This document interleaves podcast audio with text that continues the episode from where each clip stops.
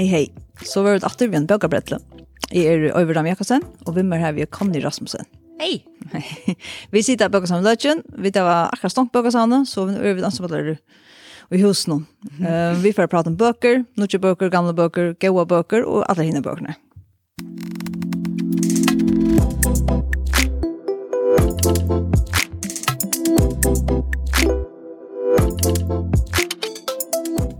Jeg får nevne en bok som jeg har lyst, som heter Overleverne til Alex Schulman. Det er en opprinnelig svensk bok som jeg har lyst i dansk. Skal så man bryr vi at trutje brøver er ved til øyegæren til familiene og tar av øskene til mamma tar vi. Så igjen skiljer vi spekler hva det hente barndom til hans trimmer bodgen, og det viser seg at det slett ikke har sånn fætene av hva det hent. Og det er vel henting for fram til at det var dronjer, og det har sett djupspår ut av alle. Bogen er så omedelig velskrivet og vøker, og samtidig øyelig spennende. Så det er en underlig stemning at det er en jøkken, og man sitter som leser en knut i bøtjen at det er Så hva er det som henter, og hva er det henter? Overleverne er en bok som er med ødlån til å lese. Hun handler om å være baden som lever ved omsorgen av svitje og trauma og rusmisnusle. Men her er en vennrøy glemme at det er en jøkken, og det er kærløkken som brøveren har alt kun annet. Jeg må ikke ordentlig, altså lese seg bøkken, hun er helt fantastisk. Rithøvenderen, Alex Schulman, han er skrevet for skalsover, Men overleverne ble han her alt kjøret jokken brått. At han skulle ha et øyne, og en som heter Glem meg, og brenne alle mine breve, og så er han søgnet seg just kommet inn om horene, og det er en som heter Malmø stasjon. Kjolmann er skjera vel omtakter, og bakene er i høyest evne kunne være syndetung, så er det lettere å lese.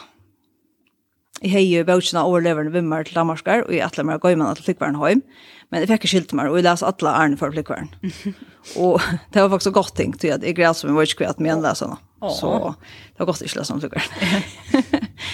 Helt utrolig gøy bøk, Til ødel alt. Hvis man har spenning eller sånn her avsøver og ja. Ordentlig, ordentlig, ordentlig gøy. Så. Familielakner? Ja, familielakner og, og liksom, ikke, så, ikke alt, alt for negativt. Altså, det var ikke så utrolig rævlig, rævlig gøy. Mm. så det har sagt. Thank.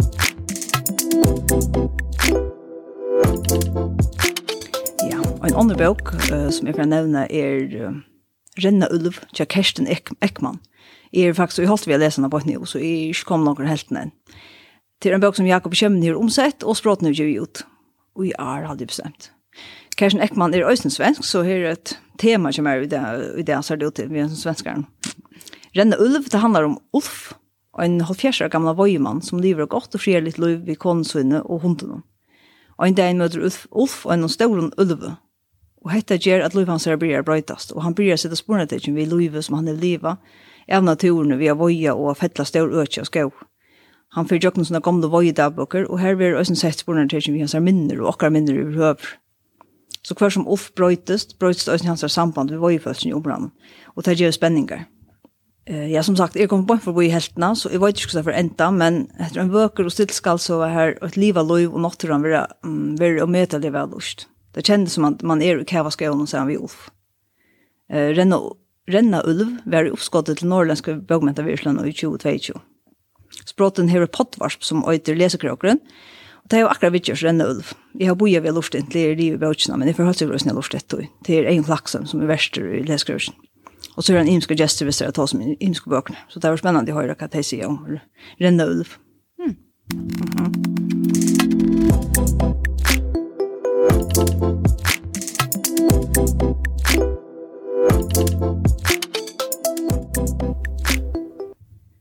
Um, så er det en bok som jeg får nevne rett, og det er en yrkesbok som øyder håp og handling i en kriseramte verden.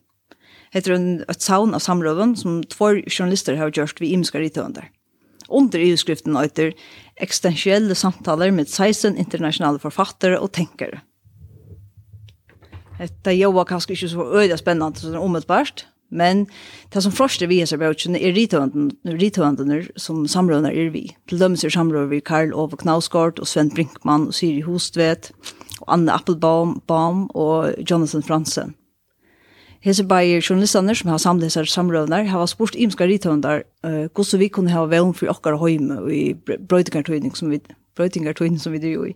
Vi har verulagsbrøytingar og allheimsfarsøyter og krutsk og futjalere avbjøringar, samtidig som er fakkareie som hodtak øysnir under trusht.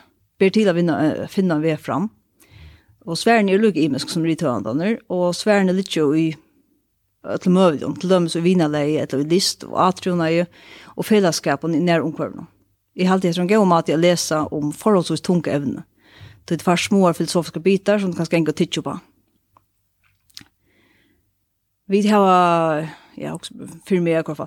Vi tar finns ju nekvar att ha varit där tjocka böcker om lömmes värlagsbrödningar och populism och er det, Men det krävs inte för att hålla vi sådana böcker som ångte ger sin tunkar om åt tungt ävne. Men vi hesar böckerna så är teach och imsk ting som så är vänt och sett perspektiv. Och man inte får lov att lösa störst ävne, men helt är det en sån varlig inlåsla till höjmen i det.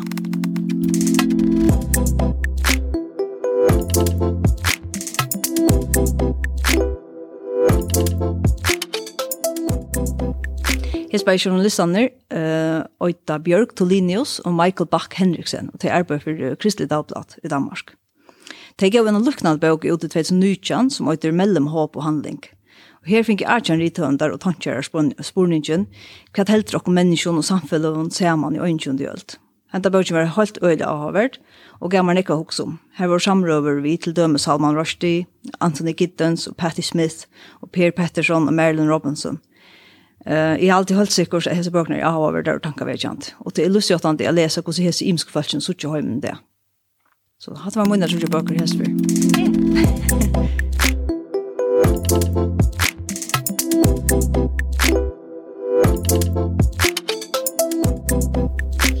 Tvina bøker om hva kan man sige, synte tung evner. ja, jeg kom nu i snö i när tungar böcker. Jag kom upp till fire vinter, til Kirsten Hanna. Jeg damer gjør det vel, altså. Jeg har lyst i øynene bøk til henne, og sirkelig, og henne her øyne sirkelig, og du har, jeg tror ikke sjanger jeg leser. Sirkelig er bøker. More sirkelig er bøker. Ja, det passer. Og latte soppa, romantiske bøker, og så krimi, mer blå jo bedre. Det er sjangerne jeg leser, og du kom til vi, djupon og hodtakende bøker, her på, nå kom jeg vi øynene i øyne som er sånn tung. Mhm. Mm Um, det var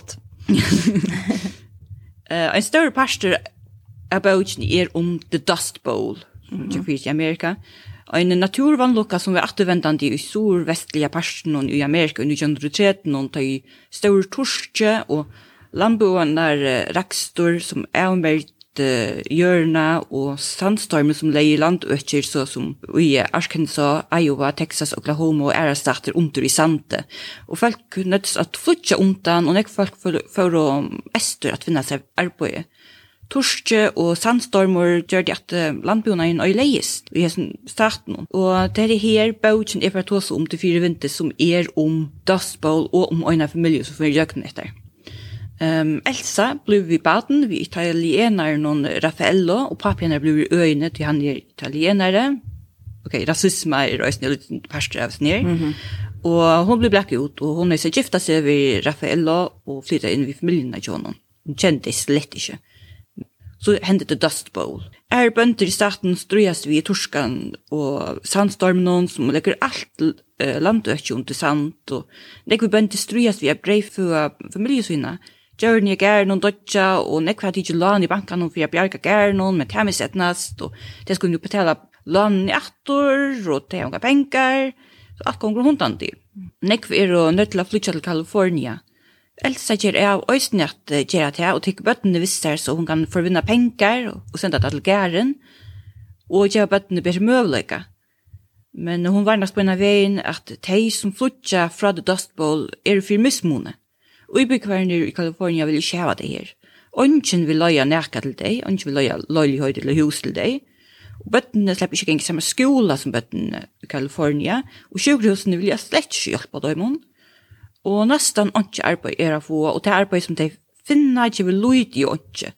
Det er simpelthen for mismåne. Det er virkelig svært for dem at få penger og livet ordentlig. Det er heimleis og bygge øye i heimleisen levon mm. -hmm. vi vatten og okay. vi tar egna tält så är det det det har absolutt inte men äldst att vi inte opp og ströj skvänt det at jag bara syns bättre omstöver ta allt så här ser svart ut bøgen er sera gå och hon orlar väl skriva men hon ser sera syrlig akkurat när jeg läser. og Louise Rösen det er och og och og høre för som migranter som elsa og ånder onnor bogen är fyra som har mist alt og røyna at byrja nudjon. Og lukka var alt i møtdøymon. Jeg har lyst til en ære Kristin Hanna som er ute nattergalen, som øysnir om kvinner som strujast, og hun er øysnir ordentlig, ordentlig sikkert. Jeg har alltid det fire vinner, hun er ikke ordentlig valskvinner, men som en kjøvarpslu. Mm -hmm. ja. Hon er ordentlig, ordentlig gå, og et av mine ordentlig, ordentlig. Hun kom ut av danskon sørstår. Oi, er hun så ut? Ja. Jeg tror hun var eldre. Ja. Jeg har jo ikke snakke med hon, alltså samarbetande inte vi alltså vår flot krips och sånger. Ja, och den stämningen kring det. Jo, och sen hon Schalcha Steinbeck eh vredens droer. Ja. Ja, han skulle näka så där. när allt ju. Ja. Men ja, hon hon är ordentlig. Det tänkte jag nog lära. Det är ordentligt spännande.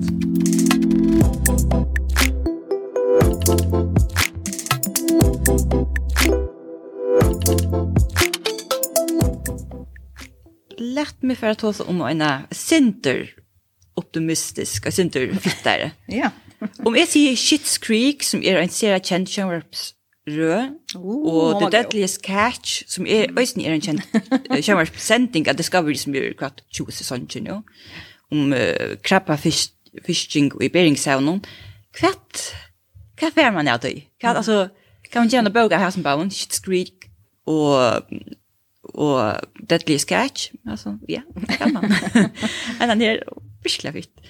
Piper Bellinger er en jenta fra Los Angeles. Hun er penger, i sine vøkur og ett kjennan av Instagram. Og et kveld til kipar hun fyrir en av varslo som fyrir halt ut av kontroll, og hon blir handtidgen. Ta slær sjukpappen hånden i båret og sender henne og syster sine Hanna til utla bojen Vestport, her pappet tar ifra. Her stand en hus som papen åtte som de kunne bygge for ui, og her skulle de bygge for ui några viker inntil at lese, eller legge seg nye, eller bli fria litt atter i Los Angeles, ja. hun ble nok så kjent av oss her skandalene som hendte her. Mm -hmm. Vestport er en lydel fiskeboi ved Beringshavnen som hever et størst uh, fiskesamfelle, og nekvar av månen noen sykler vi, fisk, vi fiskeskipene om, og er vekk nekra viker og sånn. Så det er, hva sier kvart, som klagsvik eller så? Mhm. ja. Yes. Ehm um, Brandon Tackerst är en grånuttig skipare som bojnar vid i Stamma Piper, där ju hon och systern flyter i Houston i hövskötten. Han damer känner och uppsnålla hookbor och henne glitter och kläder och kyler sig allt hon säger om Instagram, likes och gå och mynda och Och Piper damer helt sig Brandon som tycker in vid henne och henne är liv och og som alltid nøyer seg hjelpe henne bjergene ur støven som hun kommer ui, eller bøyna vi en dømer henne, for en rui kvinna som ikke vet hos verløyden verlig er. Mm. Piper og Hanna fettla vel til i Vestport, og ibygvendig dem at her, og tar Ørves i Hukbor, og Huskått, der kommer jo fra Beverly Hills, så det her, det er reellig interessant der. Mm -hmm. Ødl, og den Brendan, dem at der. Brendan, han heldt det her bare, fjakko der. Mm -hmm. Vi började ta med Brenton och Piper ikke kvann annan, men så vi vi började jag kännas och skilja kvann annan bättre och började så spärkliga föttlar fick vi nu dem. Men uh, atlanen till Piper var alla dina för att till Los Angeles til sitt party girl Louis. Och Brenton reker i fiskeflotta som man inte bare kan bläka fra sig. Och han kan inte være til Los Angeles, ser ni, alt han ser Louis er i Vestport. Och det har bara känt kvann annan så så det stort, men det har virkelig fått en fyrkvinn öron. Mm. Desketien sommer er en sera fitt, stortlig, charmerande romantisk bøk om motsetningar, akkurat det er det han er. du kalle det Enemies to Lovers? Ja, Enemies to Lovers. Som -hmm. som møtast og tåra forelska seg og åpna seg for kvernøren. Rithøvendren Tessa Bailey har skriva flere romantiska bøker, og hette den første som jeg har lyst i. En ånder i røyene er om luttlasysteren Hanna, og om besta vimmannen til Brenton, Og jeg gleder meg til at lese henne, men jeg sa at hun kommer ikke ut for i juli. juli, det er for, det er for langt. Jeg er ikke tål. Er det enskån eller eh, danskån? Ja, ok. Uh, henne bøker er jo amfipo, men bare som jobbøker. Jeg har helt ikke tål jobbøker. Mm. og, men nu er jeg blitt biten av dem, men jeg er fan, jeg er fan av Tessa Bailey og, og jeg må få lort etter dem. Ja. Så, En av bøker er blitt mer kjent der senest i TikTok, og jeg visste senere at de har litt rak. Jo, så slett. Um, jeg tar mye vel en av matta skriver på at det er kjempelige, romantiske, men så kommer man også til gypri evner, så som ansem og sorg, og altså, hon, är hon är jävla cute. Hon är jävla, jävla cute. Sin steamy öjsne. Akkurat så här. Jag, jag, må, jag hade för jag en sending i boka brett må i nämna en romantiska bok. Ja, det hade jag. Om man gärna steamy öjsne. Ja, ja, ja, öjla steam. Men ja, alltså, den här cute. Hon är bara så så cute i dagen så väl. Vi har finns henne än, vi har beställt henne, hon är skåmen, men jag läser den för en månad sedan. I stad, jag kom ni vid den än. Hon är så cute. Så förstår säljarna så till det som kommer. Oj, jag rör inte säljarna löt till. Blir på nu. Ja, ja. Men ja. Ända ner där med jula. Vad det.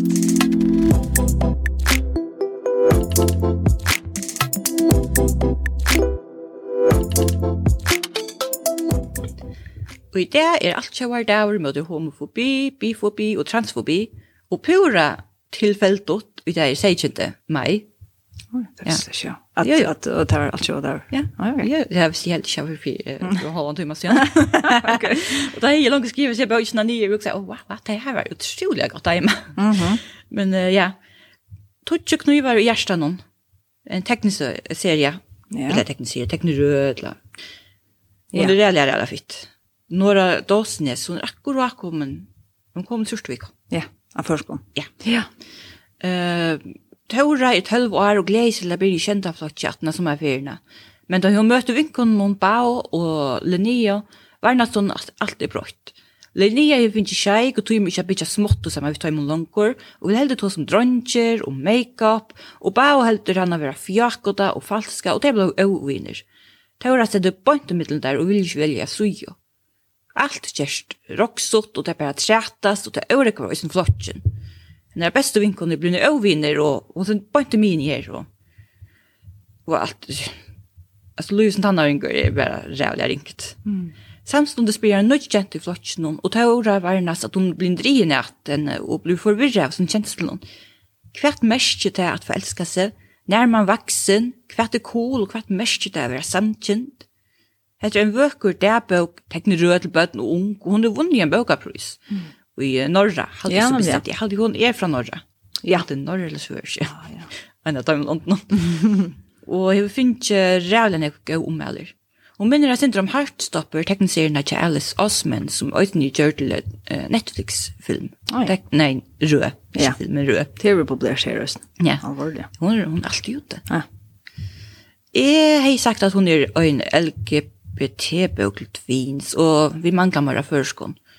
Og vi mangler altså mer bøker om sandkjent, tvikjent og tvørkjent til bøten og ung, altså fagbøker. Så de er få mora vitan om hva dette er, og man skal lære de unge at uh, være ørvesi er ikke vant av mye eller forboi, men en pastor av liv noen. Det er unge at jeg sånn til å lære noe nytt, og, og ungen lykke at jeg så jeg har imre vært sere. Mm. Og, men vi er helt at vi følger manglene rikva av fagbøkgrunn som er om djup evne, så som vevelagsbrøytingar, fletta folk, feminisme, rasisme, hatterstela, og hva det er, og hva, hva det gjør mot folk. Ja. Så jeg kan prata lunch om hva jeg alltid vi mangler førskolen. Jeg kan prata atlan det. Så heter vi, jeg vet ikke si det atlan det. Ja, ja. Så jeg prater om det her. Og jeg føler meg som uh, Oliver Twist. Please, sir, can we have some more? alltså vi, vi man kan vara även som ett här och diskussionsspråk eller och undervisning. Ja. Ja, alltså vi, man kan vara djup även ja. böcker samkänd feminism och ärtor och såna bara och Mm. Vi började diskutera, lära dig sånt mer om hemmen och det. Vi har gått lite följer. Akkurat. og, och fagböcker sitter uppe. Ja. ja. Du har lenge lyst lista. Uh, ikke inte böcker. Ja, det blir långt, långt. det var gott.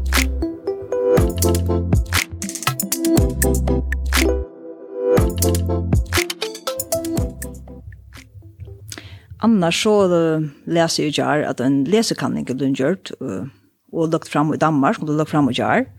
Og det ser tog jeg veldig ikke så lovende ut. Det ser inte lika ut som til läskanningen som jeg har om och senast. Ivskriften är att läsa hur en delar till bötten och flöjre läsvåg på den er nå i mån til senaste läskanning. Uh, og nå vet jeg så sjön det som heter kan flytta spoilers før skvigskifter men det ser ut att det är rak och sen ikke, jeg vil lese min i min. Mm ja, hette så skolabøten, halvtid ødel kan ikke være om det, men ja, så til det synder hostøyt, at jeg høyre, at jeg gongna skal være veien vi leser ikke. Her hukser jeg vi må gjøre mer, og som bøker sønne, og til vidt er en lir i at vi ikke leser glede, og leser hod, tjokken, ødel, bøybøten og vaksne. Mm -hmm. um, ja, så det er nek tiltak som man kan gjøre, men ja. ja, vi der kan byrja på et nytt, eller nytt, det er også som vi der gjør noen år, som det er også gjør i Øren London, som det kallar for sommerbøkken, i hvert fall i Danmark. Ja eh här som det till att läsa att här som det är minst en en arsche som ska fylla ut ska du skriva bok om alla till ett barn ung. Så att kunde jag då. Men det hade sista sommarferie i öst nu och där kommer man för Gaukorsland ois där det ju vi ja vi Arsenal och det är väldigt öde populärt. Jag vet inte hur det kom in i fjör. Ja, det minns jag helt inte. Vi där kommer att Orkland. Ja. Ja, det kommer Orkland så vad ni älskar det så det är ett litet ting som man kan göra Alltså som ja, som vi redan gör med det är ödan ek som man kunde gjort. Vi vant ju snälla läs kan inte för det att här man. Och för det uppåt mer. Men ja, man kunde vi skolan där var vi ute ju. Så läs jag bok ju ett helt skola är det Ja, nämligen. Ja. Ja. Det är nästa som stått i läsa ja, atök men det är ju så lite haft ganska ut. Håll där. Men hur ska man läsa hur till bötna växa det är akkurat det. Det sitter alltid vid telefon och tält och sådär. Ja det är en kapping om uppmärksam Ja. Ja. Och jag kommer vuxna. Ja, men det nog luggar inte på mat. Oj. Ja. Ja, jag tror att det är inte lätt att finna det. Nej. Jag också vill tunna ta bara det snäcka välja i. Nej. Alltså, hvis du ikke spiller utrått, eller gjør du utrått, og kan man si det rett. Mm. Så hvis du gjør du utrått, så ser man ofte det, eller gjør du akkurat lukkende gjør. Nå er det så gjerne ikke annet gjør. Ja. Så, men det er i hvert fall området til at da vil jeg lese. Så. Ja. Men uh, för jag läsa. Ja. Det är en till, ja. ja. Det skulle kanske gjort en sån kapping. Att skolan är i färgen. Eh, läskapping. Ja, men det är en uh, liksom framhaldsstolt. En framhaldsstolt. Mm, ja, ja, ja. För en framhaldsstolt i färgen läs mest. Ja, akkurat. Haft i vårt skola är. Det kommer att Så finner man vinnaren ändan av skola är. Hes, hes, ändan framhaldsstölden i hesen skolan någon jag var lysen neck med böcker om hur det kan så vinna. Det kommer så att jag sådan camping. Ja. Skolan med skolan. Ja. Ja, skräck. Gott och gott. Får jag läsa Men då? Jag kan ju. Så att nej, här hänt en Spännande var att läsa det sista. Men ja, nej, vi måste också lägga hört på att göra. Fint det kan man göra. Mm.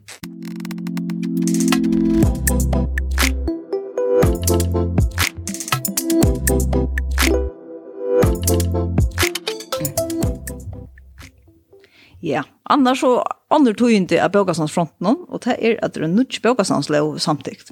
Hun kommer gilt 1. januar i 2024. Det er ordentlig spennende. Uh, det är så nekk hent i samfunnet, så igjen, så senest av Bøkastandslov kom gilt for 20 år så igjen. Og maten som vi brukar Bøkastøvn og på er også nekk brøtt. Tog er det ordentlig godt, det er därför det er lov, som til dømes gjør vi for å få først jobbøker av nett. Så för jeg da kunne lene är er og jobbøker og kjøps, så det har vi vært vi utländska bøkene i en tog det er vi øyelig spente på, og bo i lunch etter, det er ordentlig godt. Det er sikste etter vi bort at sommerflytøyene. Um, så kan, her er flere erbrøydinger i lovene, så som til dem at kommuner og alle kommuner og alle skoler skulle ha og bøker sånn. Så det er også noe godt. Så, mm. så etgang til bøker, det er jo også noe en viktig pastor tror jeg får lese glede og lese ho opp. Ja. Så spennende. Uh. Det er for at å hører mer om vant jeg i kommande tøyna, ja. om vi så bøker sånn slån. Så. Det var det. Jeg holdt vidt litt når vi uh, bøker brettel nummer 2. Nå blir vi attvendende, det ja. størst. Ja. ja, men takk for at du lortet etter, og ja, vi tar oss neste for. Ja. Yes. ok, bye. Bye. bye.